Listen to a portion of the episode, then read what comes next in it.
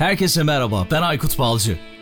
Teknoloji, iş dünyası ve dijitalde trendleri konuştuğumuz Dünya Trendleri Podcast serisinin yeni bölümüne hepiniz hoş geldiniz. Dünya Trendleri Podcast'in 65. bölümüne hepiniz hoş geldiniz. Bu bölümde konuğum içerik üreticisi Murat Soner oldu.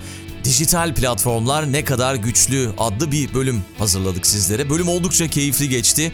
Dijital platformları çok yakından takip eden Murat Soner bize platformların geleceğiyle ilgili çok güzel bilgiler verdi. Ben kendi adıma gerçekten çok faydalandım. Yine yeni şeyler öğrendim. Umarım sizler de faydalanırsınız. Başlamadan önce hemen birkaç hatırlatmam olacak. Geçtiğimiz hafta beni konuk olarak davet eden Girişimci Kurumlar platformuna çok teşekkür etmek istiyorum birçok kurumsal şirketin inovasyon ve teknoloji bölümlerinde çalışan profesyonellerle buluştuk. Pazarlama stratejilerinde yükselen trend podcast hakkında bir söyleşi gerçekleştirdim. Markalar neden podcast mecrasında olmalı bunun önemini anlatmaya çalıştım. Başta Merve Çavdar ve Emre Ölçer olmak üzere katılan herkese gerçekten çok teşekkür ediyorum. Çünkü birçoğunun şu anda beni dinlediğini, dinleyicim olduğunu da orada öğrenmiş oldum. O yüzden de şu an dinlediklerini tahmin ediyorum. Onlara sonsuz teşekkürler. Eğer siz de tekrarını izlemek isterseniz linkini podcast'in açıklama kısmında bulabilirsiniz.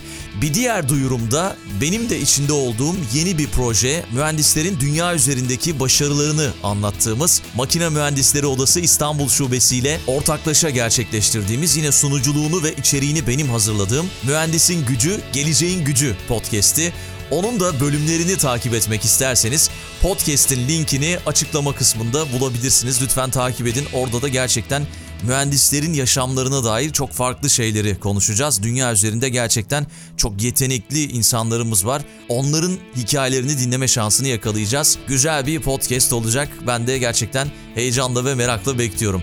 Eğer bu tip projeleriniz olursa da marka tarafında işbirliği yapmak ve podcast hakkında danışmanlık almak isterseniz ya da podcast ile ilgili merak ettiğiniz şeyler olursa her zaman bana ulaşabilirsiniz. Yeni fikirlere her zaman açığız. Son olarak dünya trendlerini Twitter'da, Instagram'da ve LinkedIn'de takip edebilirsiniz. Aynı zamanda Apple Podcast ve Ekşi Sözlük gibi platformlardan yorumlarınız çok çok önemli. Ne kadar çok kişiye ulaşırsak o kadar daha iyi bizim için. Bu topluluğu büyütebiliriz diye düşünüyorum. Ve aynı zamanda dünyatrendleri.com üzerinden de bizi dinleme şansınız var, ulaşma şansınız var. Ve tabii ki sizlerin desteği de önemli. Bir Patreon hesabı açmıştık sizlerin önerisiyle. Patreon hesabımızın linkine de yine açıklama kısmından ulaşabilir. Oradan desteklerinizle podcast'te katkı sağlama şansını yakalayabilirsiniz. Her şeyi söylediğimize göre yeni bölüm hazır. Güzel, keyifli bir bölüm oldu. Yeni bölüme, 65. bölüme başlıyoruz. Bu bölümde gerçekten sürpriz bir konuğum var sizlere. Dijital platformlar ne kadar güçlü bunu konuşacağız. Eskinin radyo programcısı, yeninin de YouTuber'ı diye adlandırabilirim ya da içerik üreticisi de diyebiliriz aslında biz kendimiz için. Hem radyo için hem televizyon için hem YouTube için içerikler üretiyoruz. Murat Soner şu anda karşımda İstanbul'da. Ona kocaman bir merhaba demek istiyorum. Murat hoş geldin. Selamlar, merhaba hoş bulduk. Selam herkese. Özlemişim seni gerçekten şu anda karşımda görüyorum. Çok da güzel oldu Yıllar bu oldu. buluşma. Değil mi? Bayağı çok güzel oldu bu buluşma. Bir vesile oldu. Seninle görüşmeyeli kaç yıl olmuştur? Epey oldu 7-8 sene olmuştur herhalde. Öyle Olmuş, tahmin olmuş. ediyorum. Nasılsın peki?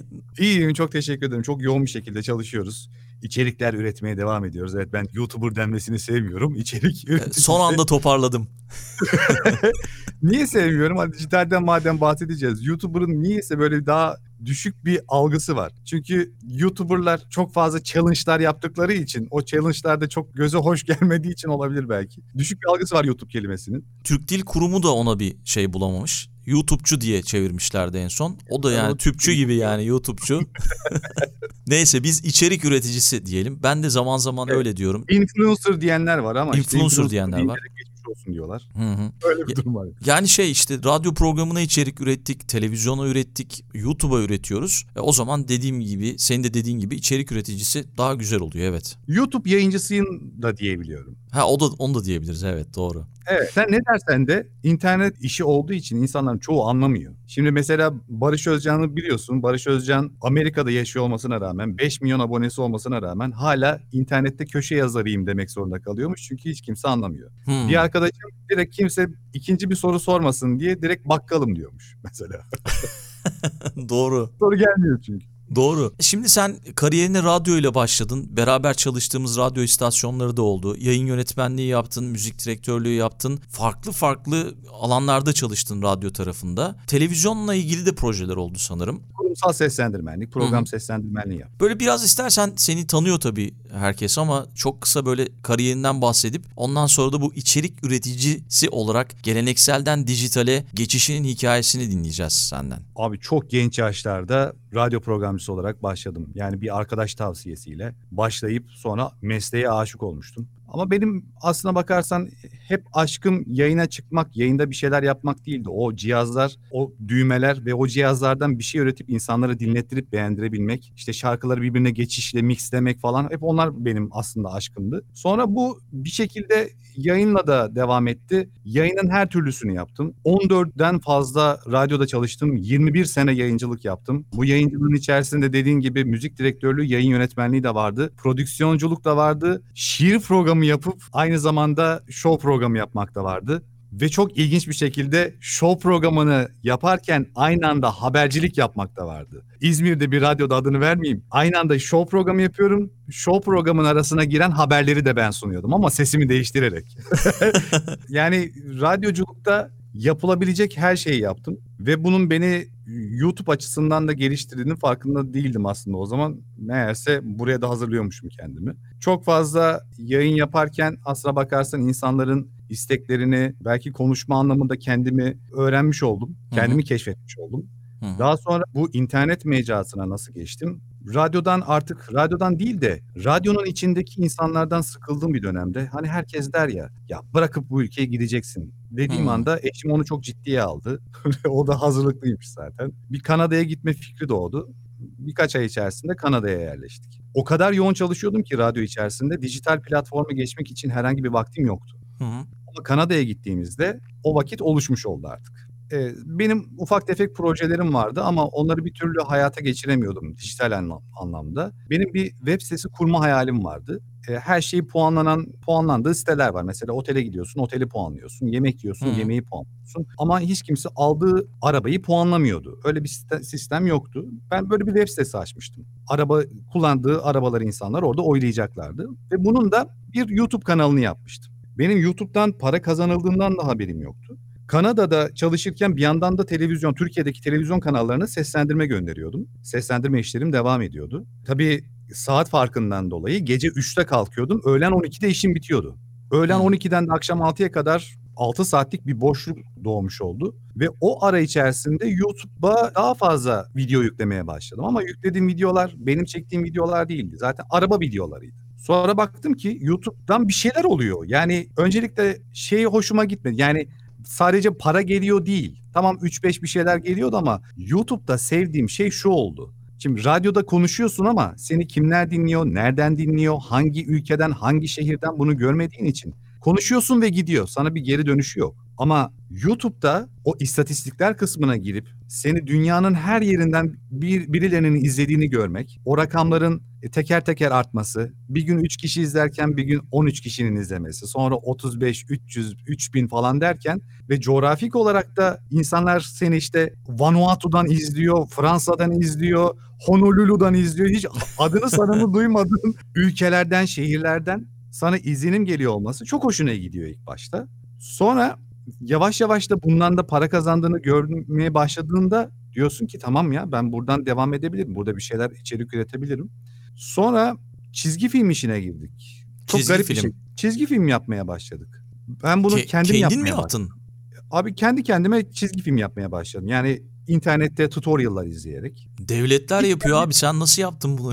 yani çok masraflı bir şey çünkü çizgi film. Ya çok amatörce yaptım. Ha. Sonra bunun gerçekten Olsun o dediğin de. masraflı kısmına girdim. Masraflı kısmına girdiğimde o karı tabii elde edemedim ama bir yandan da kendi tamamen kendi karakterlerimi yaratmak işin çok sancılı kısmıydı. Çok profesyonelce bir şey yapmaya çalıştık. Orada abi tam istediğimiz şeyi yakalayamazken yani YouTube'da o keyfini almaya devam ederken birden çöküşe geçtik. Orada ben başka bir şey denemek istedim. Hep dedim hani kendi yüzümü kullanmadan bir şeyler yaptım. Bu sefer de kendi yüzümü kullanarak acaba bir şey yapabilir miyim? Hı hı. diye düşündüğüm anda Murat Soner kanalı ortaya çıktı. Zaten bu kanal vardı. 2010 yılında açmışım ben ama öyle kalmış. Mesela radyoda yaptığım şakalar vardı. Telefon şakaları. Hmm. O telefon şakalarını yüklediğim insanlar radyodan hariç işte sürekli şakaları dinlemek istiyorlardı. Dinleyebildikleri bir yer olsun diye oraya yüklemiştim. Orada kalmıştı kanal. Acaba o kanalın üstüne bir şeyler yapabilir miyim? Tekrar o kanalı canlandırabilir miyim diye düşündüğümde şu aklıma geldi. Dedim ki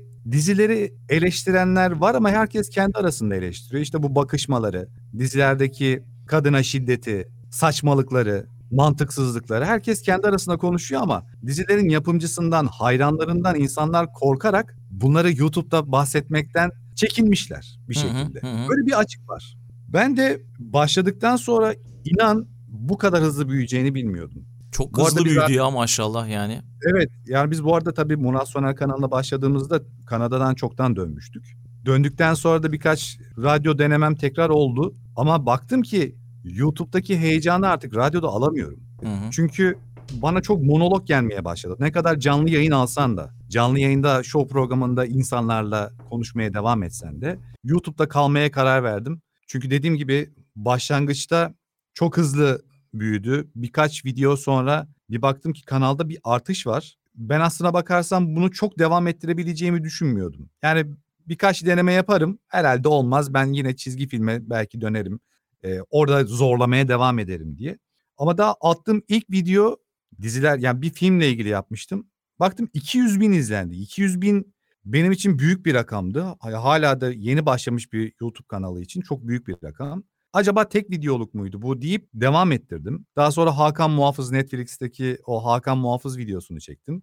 Ee, aslına bakarsan gündemde olan bir şeyleri çekip kanaldaki ivmeyi görmek istedim. Yani gündemdeki bir şey yaparsam kanal ne kadar iyi gidiyor diye.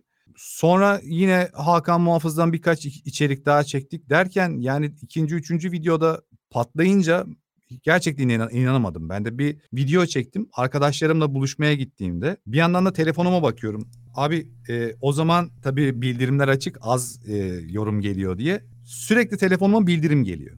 Yani Vay. sürekli bir yorum geliyor. Sürekli izlenim artıyor. Dedim ki bir şey oluyor. Oluyor galiba bu iş. Sonra devam ettik ve işte sonuçta iki yılı biraz geçtik ve şu anda 1 milyon 280 bin abone olduk. Harika oldu ya gerçekten. Yani çok kısa sürede bilmiyorum Türkiye'de örneği var mıdır yani bu kadar yükselen? Var var yani birkaç örnek daha var işte mesela Hasan Cankaya konuşanlar kanalı o da çok hızlı yükseldi. Hı, konuşanlar da yükseldi evet doğru. Evet onun haricinde o kadar hızlı belki vardır benim bilmediğim ama güzel oldu ya yani benim açımdan sürpriz oldu. Ama e, insanlar diyorlar ki aslında bu bir sürpriz değil sen zaten 20 sene boyunca radyoculuk yapmışsın alışkınsın ama kamera bambaşka bir şey. Şimdi kameranın karşısında bir zaten sen de mesela radyoculuktan biliyorsun o radyodaki o sesi verebilmek için mimiklerimizle de aslına bakarsan o sesi veriyoruz. Aynen. Ekstra mimik kullanıyormuşum bunu öğrenmiş oldum. Yani şey işte konuşurken neden kaşını kaldırıyorsun gibi tepkilerle karşılaşıyordum biri bana baktığında. Ben bilmiyorum ki konuşurken ne yaptığımı o sırada yani Yani neler yaptığımızı bilmiyoruz yani o sırada. Tabii Şekiller- o duyguyu verebilmek için o mimiği de vermen gerek.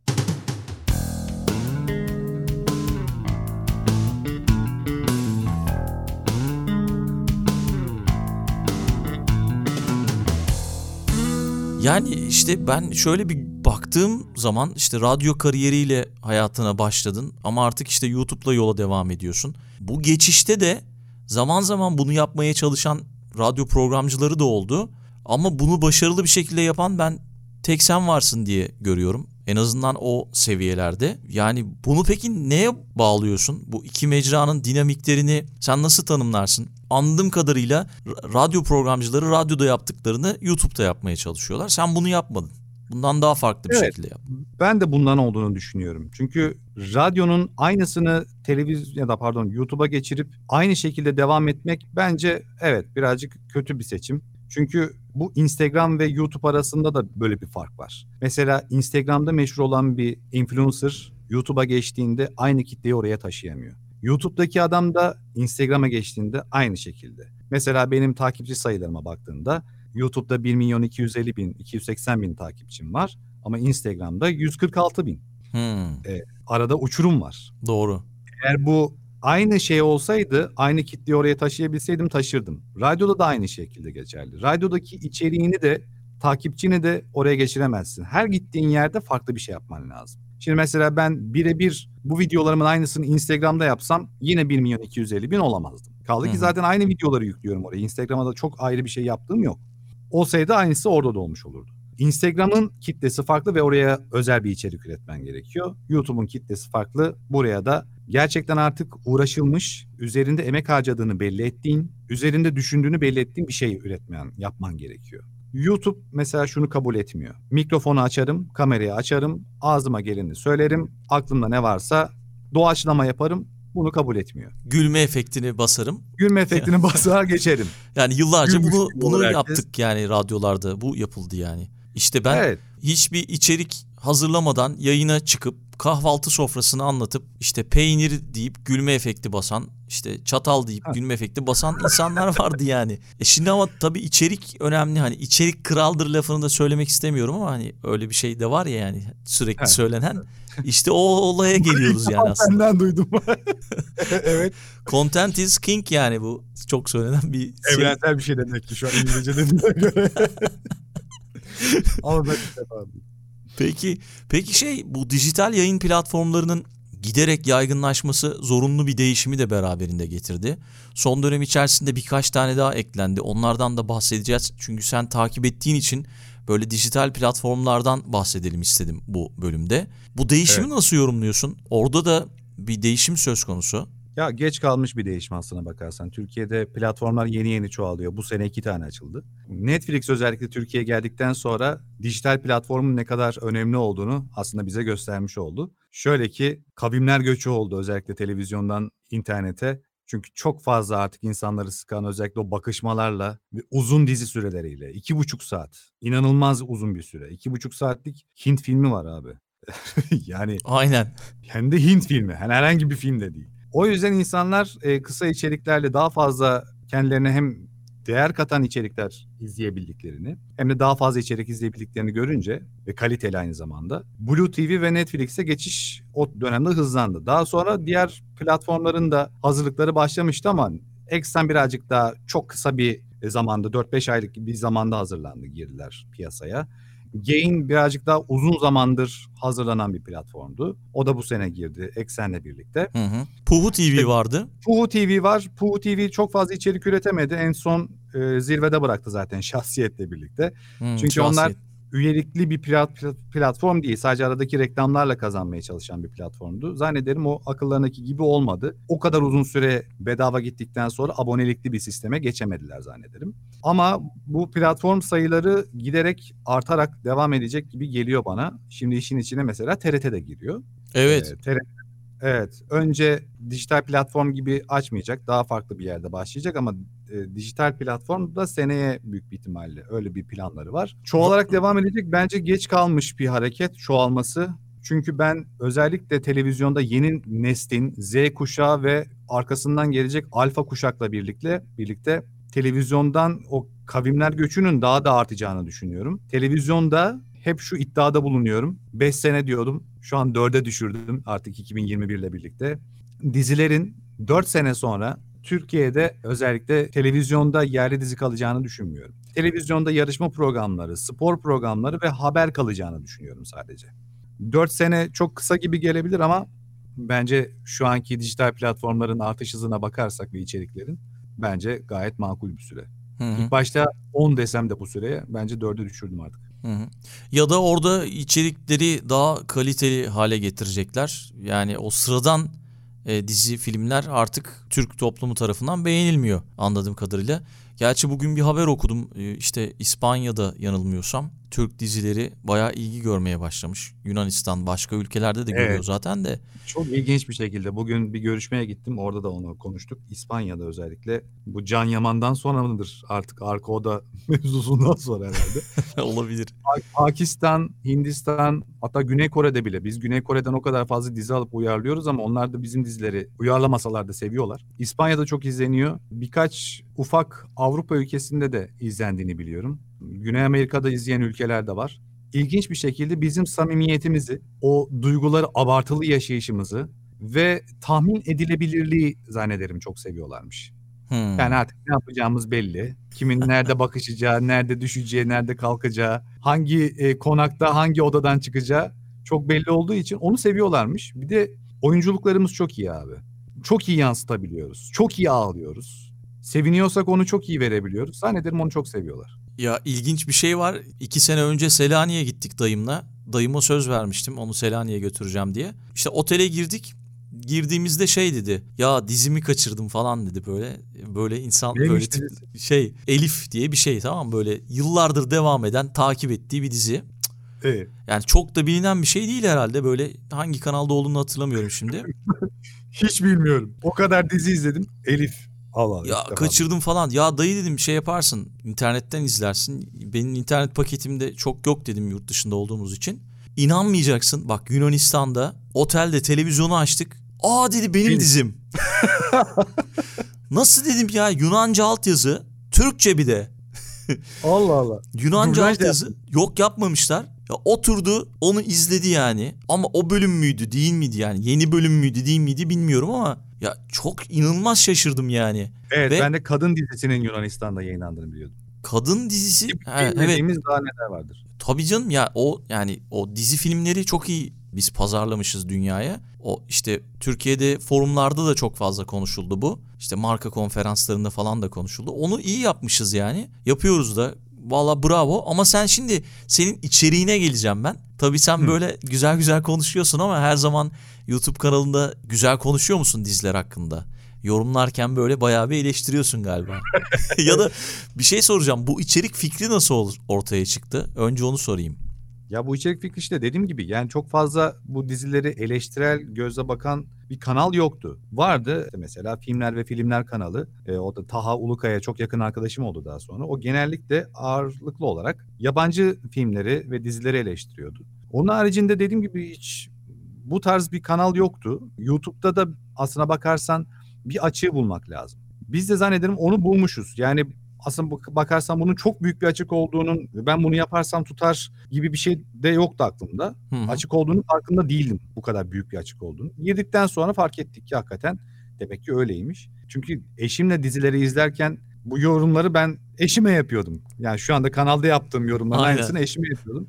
Ve artık çığırımdan çıkıyordum. Yani e, üzerimdeki bir ara yani tişörtü gömleği parçalayacak vaziyete gelmiştim izlediğim dizilerden sonra. Tabii ki artık biz yabancı dizilere geçmiştik ama arada bir kanalları açıp bakarken insanlar bunları nasıl katlanıyorlar, nasıl dayanıyorlar deyip bunları dedik "Abi bir değinen birisi olmalı. Bir şekilde konuşmalı birileri diye. Öyle girdik. Ama, Ama ilk şöyle aslına bakarsan benim e, ilk videolarımda bahsettim ya Hakan Muhafız. Şeyi çok merak etmiştim ben. Bu kadar ben dizileri eleştirirken sonunda kısa ve konaklı olmayan bir şiveye sığınmayan bir dizi. Süper kahraman ve 190 ülkede yayınlanacak bir süper kahraman işi ve Türk dizisi. Hı hı. Çok merak ettim. Acaba dedim ki yabancılar bununla ilgili ne düşünüyor? Ne yorumlar yapıyorlar? İlk yaptığım videolardan bir tanesi oydu ve çok izlenmişti. Sonra birkaç dizinin daha Netflix dizisini de yine yaptım. Yabancılar ne düşünüyor diye. Öyle öyle devam eden bir içerik silsilesi.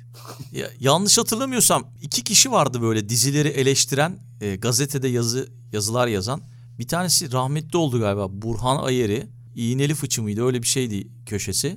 Ha, böyle di- dizileri falan eleştiriyordu. Birkaç kişi daha var televizyonda da yapıyorlar böyle magazin programlarında falan. Ali Eyüboğlu vardır. Bir de Ha Ali e, Eyüboğlu var. Birisi Gö- daha var ama Gözlüklü hatırlayamadım şimdi adını. ben de hatırlayamadım adını. Evet çıkaramadım. İşte o, o kişi de var kusura bakmasın dinler minler şimdi bilmiyorum. Evet. Ee, şey neyse podcast'ın açıklama kısmına bulursam yazarım onu. Herkes Evet, evet, merak ya, edebilir.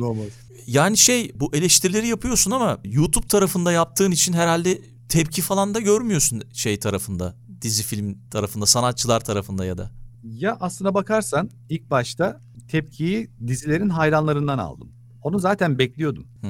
Özellikle Çukur fanlarından çok fazla tepkiler almıştım. İşte çarpışma yaptım. Çarpışmanın hayranlarından aldım ama ben bunu zaten hani demirden koksak trene binmezdik misali. Bu yorumları hiçbir zaman beni etkileyecek bir şekilde değerlendirmedim. Ne zaman ki kanal 1 milyon aboneyi geçti daha fazla tepki almaya başladım açıkçası. Hmm. Yani bilmiyorum artık ciddi yeme almaya başladılar. Tabii 1 milyon aboneden önce de yapımcılardan farklı tepkiler aldım işte videolarımın kaldırıldığı zamanlar oldu. Ama hiçbir zaman böyle çok bana işte ulaşan, ulaşmaya çalışan, videolarımı kaldır, bu eleştiriyi nasıl yaparsın, haddini bil diyen hiç kimse olmadı. Hala da olmuyor. Ama yine de tabii ki e, hem YouTube tarafından hem de dışarıdan duyduğum kadarıyla çok hoşnut olmayanlar var. Ama çok da sevenler de var galiba ya. Yani hoşuna gitmiş insanların. E tabii yapımcıların birkaç yapımcıdan böyle tepkiler gelebiliyor tabii. Gayet normal ama onun haricinde dizisini ağır bir şekilde eleştireyim tabii bu arada ağır dediğim ben hiçbir şekilde hiçbir insana hakarete varan bir şey söylemedim. Ne herhangi bir oyuncuya ne de yönetmene, yapımcıya. Ben her zaman takdiri izleyiciye bıraktım. Ve Hı. hiçbir zaman demedim ki bu dizileri izlemeyin. Bu diziler sizi olumsuz etkiliyor. Asla bu diziyi e- izlemeyin. Bir işte e, etkinlik oluşturuyoruz. Protesto yapıyoruz. Haydi şimdi bu diziyi izlemiyoruz gibi hiçbir zaman demedim. Her zaman kendi düşüncemi söyledim ve bunu çok bıçak sırtı bir şekilde yaptım. Hmm. Yani bir, dedim ki bir tane o Netflix'te küçük kız dans ettiren bir dizi film vardı. Onunla Evet, ilgili Minnoşlar. bir tane onunla ilgili galiba Evet. tepkin olmuştu. Yani her her zaman işte minnoşlar haricinde yapımcılara da hak vererek bazı şeyleri yaptım. Tabii kadına şiddetin olmadığı zamanlarda özellikle. Atıyorum mesela bu e, bunları veriyorsunuz. Kadına şiddet hariç yine. Bunları veriyorsunuz çünkü halk bunu izliyor. Ama halk da siz bunları yaptığınız için izliyor. Hmm. Onun bir dengesini tutturdum. Yani yorumun dengesi bu. O yüzden de çok büyük tepkiler almadım yapımcılardan. Evet videolarımın kaldırılması istekleri, talepleri oldu. Kimileri kaldırıldı, kaldırılmadı ama hiçbir zaman kimseyle davalık olmadık. Hiç kimseyle tehditkar bir aşamaya gelmedik. Kimseyle papaz olmadık yani. Anladım. Seviyeli bir kadar. şekilde yani sonuçta eğlenmek amaç orada yani Evet insanlara. hiçbir zaman seviyeli küfür şekilde. etmedim. Küfür ettiysem de şahsa etmedim. Küfrü mesela yerli yerinde olması gerektiği yerde ama hiçbir hedefe gitmeyen küfürleri hem bipleyerek ses anlamında, görsel anlamda ağzımı kapatarak Hı hı. yani küfürlerin gittiği hedef yok. Çok seviyeli bir eleştiri tarzı benimsedim. Her zaman kararı, son kararı izleyiciye bıraktım. Ya işte bu yayıncılık tecrübesinden kaynaklı işte senin geçmişten radyodan gelen ve televizyondan gelen bir yayıncılık tecrüben olduğu için o bir çember var. O çemberde nerede durman gerektiğini, o çemberin dışına çıkmaman gerektiğini biliyorsun. Evet. Onu da YouTube'a iyi uygulamışsın. Ya Ee, otokontrol tabii aynı zamanda radyodakinden öte şöyle bir durum var. Radyoda tabii canlı yayındasın. Orada ağzından kaçırabileceğin birçok şeyi düşünerek çok otokontrol evet yapıyorsun. hı hı. Ama YouTube'da bir avantajın daha var ki orada çok daha fazla hazırlanabiliyorsun. Tabii doğru. Kayıt zaten. Hı hı. Evet ve ben e, metinlerim üzerinde çok uğraşıyorum. Defalarca üç boyutlu olarak düşünüyorum. Ben bunu söylersem bu laf nereye gider? Bu laf üzerinde tamam bir espri yapıyorum ama bu espriden alınabilecek insanlar da ola- olabilir. Hmm. Ve çok daha analiz edebiliyorsun. Otokontrolde hat safhaya çıkabiliyorsun. E tabi sana göre kimseye gitmediğini düşündüğün ama gidebilen yerler de olabilir tabi. Hani yüzde yüz kusursuz bir video çıkarttığımı düşünmüyorum. Ama dediğim gibi bu otokontrolle birlikte çok seviyeli bir iş yaptığımı düşünüyorum. Aynen. İşte Bi- bizi takip eden dinleyiciler, podcast'i takip eden dinleyiciler de eğer senin YouTube kanalını hala görmedilerse mutlaka bir göz atmalarını tavsiye ediyorum. Yani işte o dizileri izlemiyoruz biz, bakmıyoruz falan diyor olabilirsiniz ama öyle diyen herkes de bakıyor bu arada. Tabii tabii. Şimdi sokakta sorsan herkes belgesel izliyor. Evet sokakta sorsan yok ben izlemiyorum şeyi. Ne Safiye'yi Gülben'i görmedim ben falan. Ee, Neydi Ama dizinin adını isimleri unuttum. biliyor değil mi? Dizinin adını unuttum ama isimleri biliyorum bak. Ha, Ee, bak Masumlar Apartmanı. Masumlar Apartmanı ha tamam.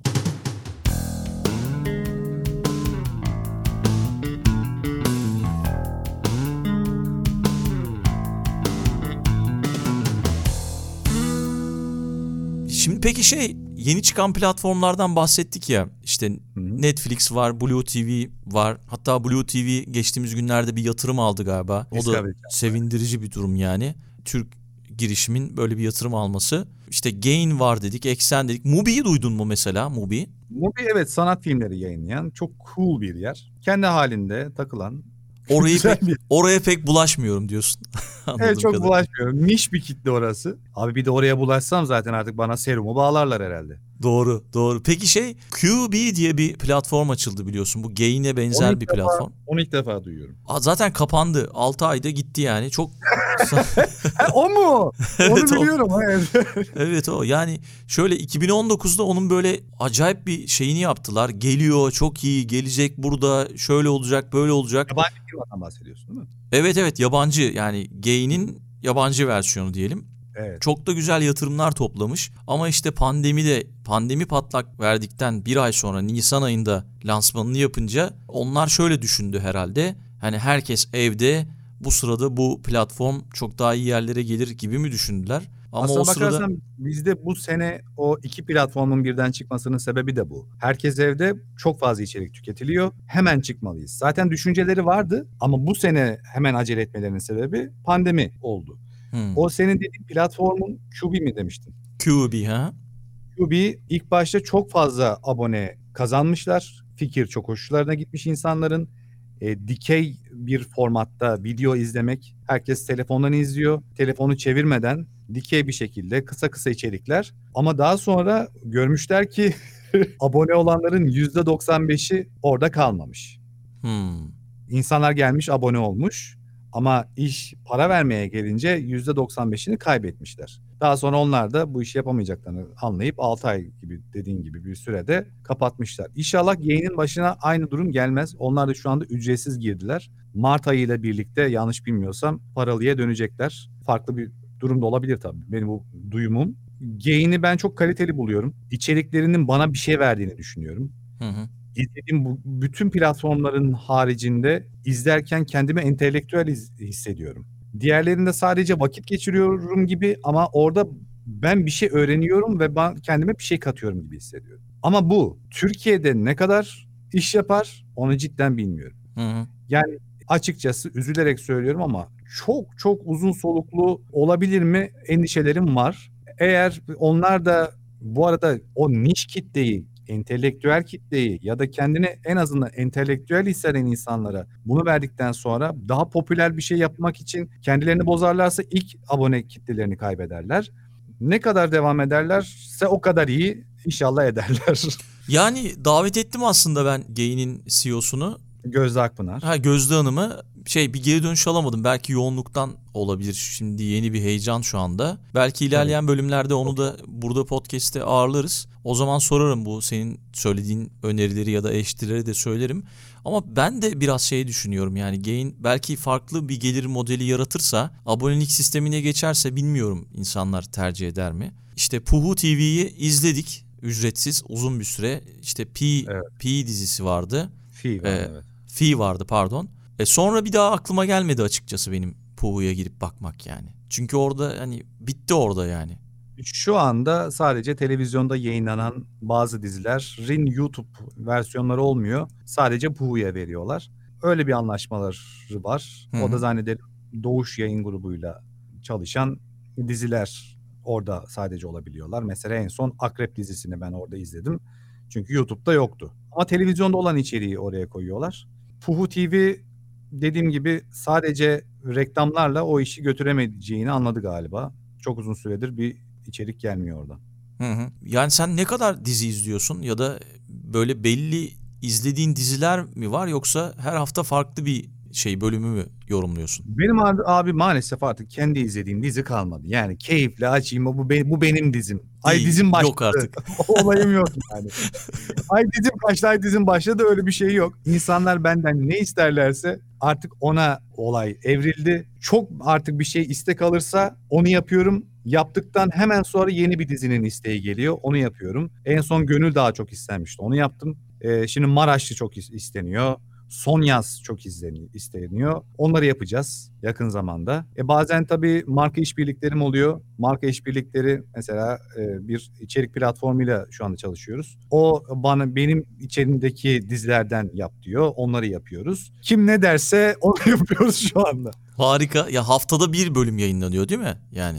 Haftada bir bazen iki. Hı. Bazen iki. O valla işin zor yani gerçekten. Ben kanala ilk başladığımda haftada üç yapıyordum. Tabii bunları ben kısa kısa yapıyordum. 2 dakika, 3 dakika. Bazen 1 dakika 50 saniye yaptığım videolarım bile varmış. Sonra baktım ki insanlara çok az geliyor bu. Sürekli daha fazlasını istiyorlar süre olarak. Ben de bunları 5 dakikaya çıkarttım. 5 dakika olunca video sayılarım haftada 2'ye düştü. Sonra daha da uzun istediler. 8 dakika 10 dakikaya çıkarttım. Haftada 1'e düşürdüm. Çünkü şu anda kulağa kısa gibi gelse de dolu dolu bir içerik çıkarabilmek için insanları sürekli ilgiyi sende tutabilecekleri bir metin yazabilmek için gerçekten hem çok fazla sayıda bölüm izlemen gerekiyor ve iyi bir metin yazman gerekiyor. Boşunun olmaması gerekiyor. Hı hı. Ve o daha sende tutacaksın. Ve çok tekniğe girmeden bu arada diğer dizi ve film eleştiri kanallarından farkım da şu. Ben asla tekniğe girmiyorum. Yönetmenden bahsetmiyorum. Kamera açısından bahsetmiyorum. İşte şu şöyle olmalıydı böyle olmalıydı değil. Ben aslına bakarsan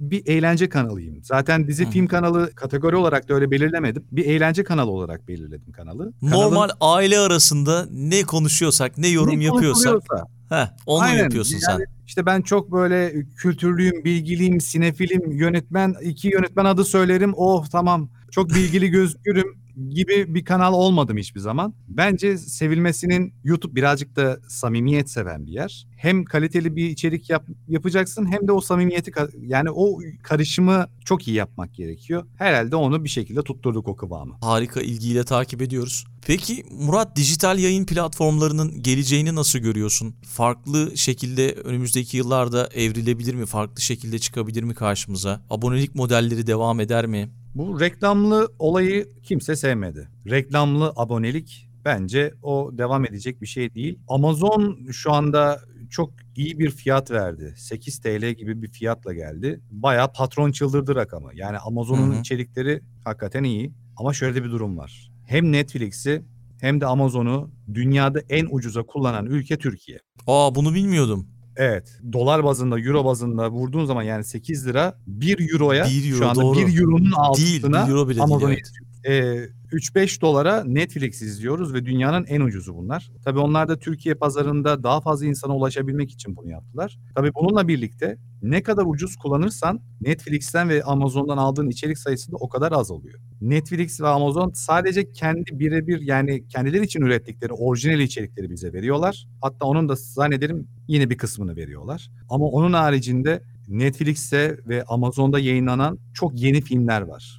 Amerika'da yayınlanan mesela sinemaya girmiş çok kısa süre sonra Netflix'e giriyor ama Netflix onu bize vermiyor. Çünkü Hı. biz çok ucuz kullanıyoruz. Almanya tarafında şimdi işte Netflix kullanıcısıyım ben de. Daha Hı hı. farklı şeyler çıkıyor karşımıza. Daha fazla çıkıyor. Aha, daha fazla çıkıyor. Yani en az iki katı çıkıyordur. Söz konusu Amerika olunca üçe çıkıyor o kat. Abonelik de bü- büyük bir ihtimalle bir süre sonra yavaş yavaş fiyatları yükseltip içeriği de yükselteceklerdir. Ya da abonelik modellerinde daha fazlasını ver, daha fazla para ver, daha fazla içeriğe ulaş gibi abonelik modelleri çıkabilir. Bence çıkmalı da. Hı hı. Ama o da birazcık şeye açık aslına bakarsan. Yanlış kullanıma da açık. Yani bizde ortak danaya girer gibi hesaplara girmek var ya bir hesaba giriyorsun. Dört kişi birden kullanıyor. O sıkıntı olabileceği için onu zannederim Türkiye'de şu anda değerlendirmiyorlar ama yakın zamanda bence olmalı. Yani şunu duydum burada yaşayan Türklerin hesaplarını orada açıp yani Türkiye'de açıp daha ucuz olduğu için burada kullandıklarını duydum. He, doğru mantıklı. Yapanlar var yani onu. O yüzden dedin ya hani dünyanın en ucuz Netflix'ini kullanıyoruz diye. Çok burada da biliyorsun 4-4,5 milyon Türk yaşıyor. Belki daha fazla bilmiyorum. E, Bulur yani buluyoruz biz onun şeyini bir yolunu. Her türlü ya kafamız ona basıyor abi. ona çalışıyor kafamız. Yani evet öyle bir durum var. Peki yavaş yavaş sona geldik Murat. çok mu da başka güzel gidiyoruz. En çok hangi soruyla karşılaşıyorsun diye soracaktım sana. Bütün dizileri gerçekten izliyor musun sorusu. Ha, ben de sordum onu bak. Sordun değil mi? Doğru. Ben de sordum. Gerçekten maalesef izliyorum abi. Ya keşke bana uykuya böyle istihareye yatsam ya da malum olsalar falan ama izliyorum özellikle. Ama YouTube'da artık bugüne kadar yapsam mı dediğim bir şeyi en sonunda yapmaya başladım. Dayanamadım. YouTube'un bir özelliği var. O Netflix'e de yeni geldi. Mesela oynatma hızını arttırabiliyorsun. %50 E- daha hızlı oynat. %70 Evet biz podcast'te de var o. Aynen.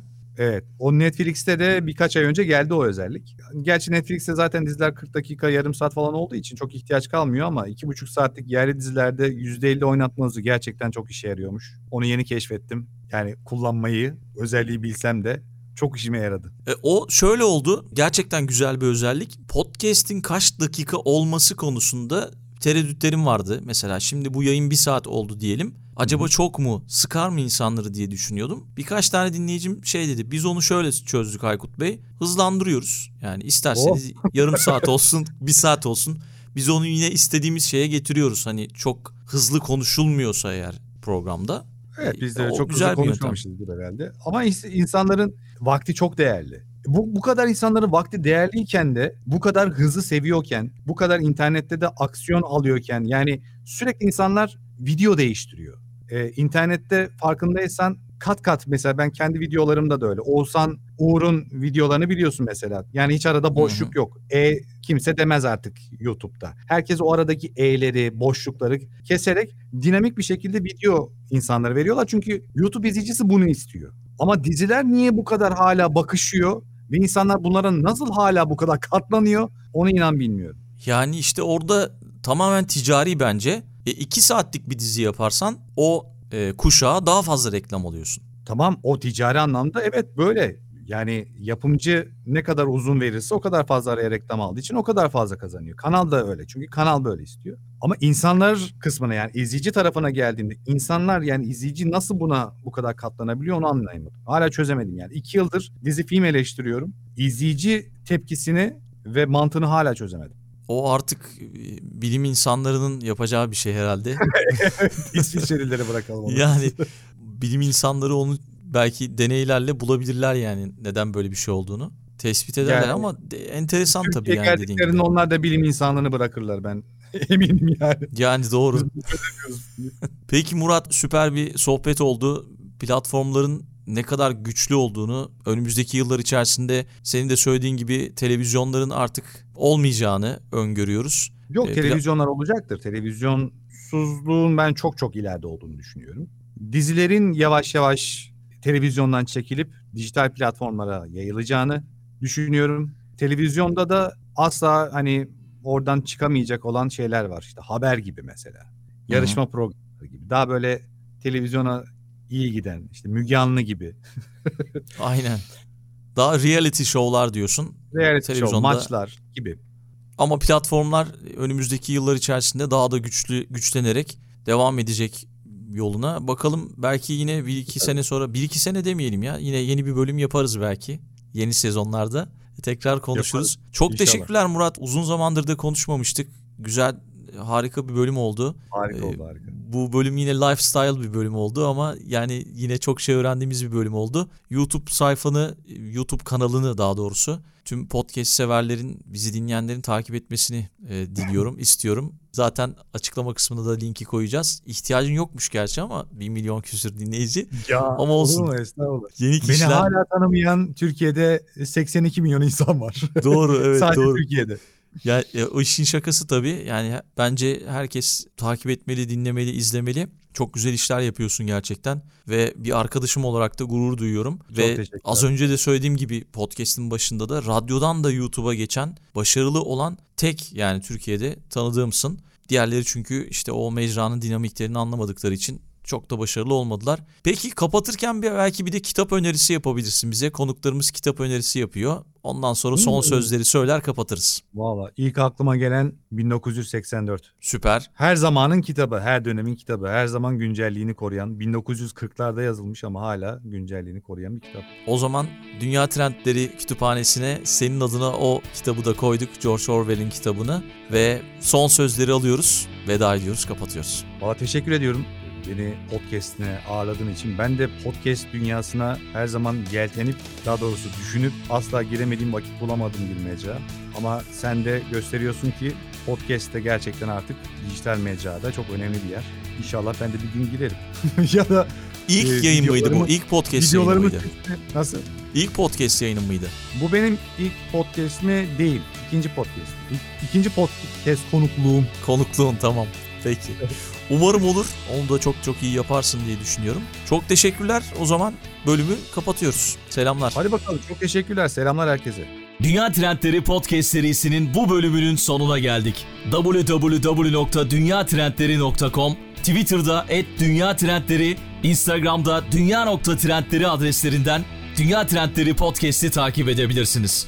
Unutmayın önerileriniz ve merak ettikleriniz içinse info gmail.com adresinden mail atabilirsiniz. Bu bölümü dinlediğiniz için çok teşekkürler. Yeni bölümde tekrar buluşmak üzere.